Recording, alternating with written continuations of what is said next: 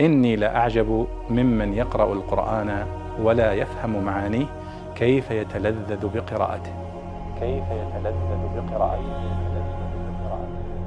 حساب فلسفة في تويتر يسأل عن قوله تعالى وجفان كالجواب وقدود الراسيات فالجواب هو أن الجفان المقصود بها الصحاف العظيمة الصحن الذي يقدم فيه الطعام. الصحن الذي يقدم فيه الطعام تسميه العرب صحفة وجمعها صحاف.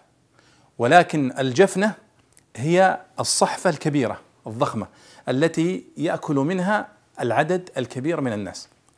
الله سبحانه وتعالى ذكر لنا في هذه الآية عن سليمان بن داود عليه الصلاة والسلام أن الله قد سخر له الجن. بل سخر له كبار الجن وعتاولة الجن والعفاريت.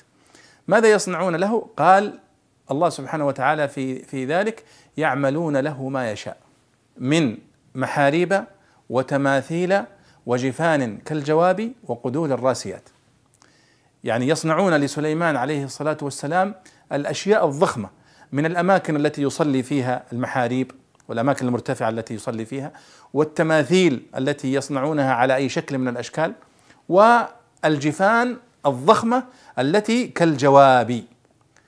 الجواب هي الحفرة العميقة والضخمة.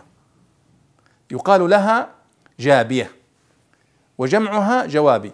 الأماكن التي الضخمة التي يوضع فيها الماء للغنم وللإبل يقال لها جابية. المكان الذي يتجمع فيه الماء الكثير يقال له جابية وجمعها جوابي.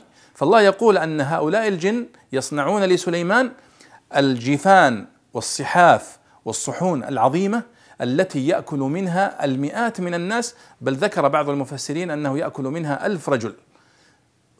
جفنة ضخمة جدا كالجابية كالحفرة العظيمة. وعادة أن هذه الجفان الضخمة يصعب نقلها من مكان إلى مكان إلا بصعوبة. فكما قال الله في الآية التي بعدها وقدور الراسيات. جفان كالجواب يعني صحاف وصحون عظيمة وضخمة يأكل منها العدد الكبير من الناس.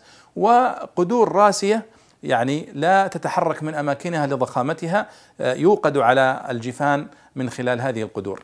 ولذلك حتى بعض المفسرين يذكرون مثل ابن العربي رحمه الله يذكر عن المائدة التي أنزلها الله على عيسى بن مريم في سورة المائدة قال اللهم قال عيسى بن مريم اللهم ربنا أنزل علينا مائدة من السماء تكون لنا عيدا. فيقول ابن العربي رأيت أنا الصحفة التي نزلت فيها تلك المائدة وهي صحفة عظيمة في في بيت المقدس تصعد إليها بدرج وتنزل فيها بدرج. هذه هذا المائدة العظيمة.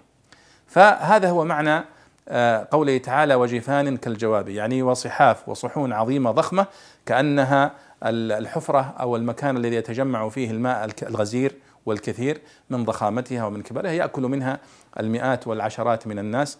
وكل هذا طبعا من الآيات التي جعلها الله لسليمان عليه الصلاة والسلام على يد هؤلاء الجن والعفاريت. والله أعلم.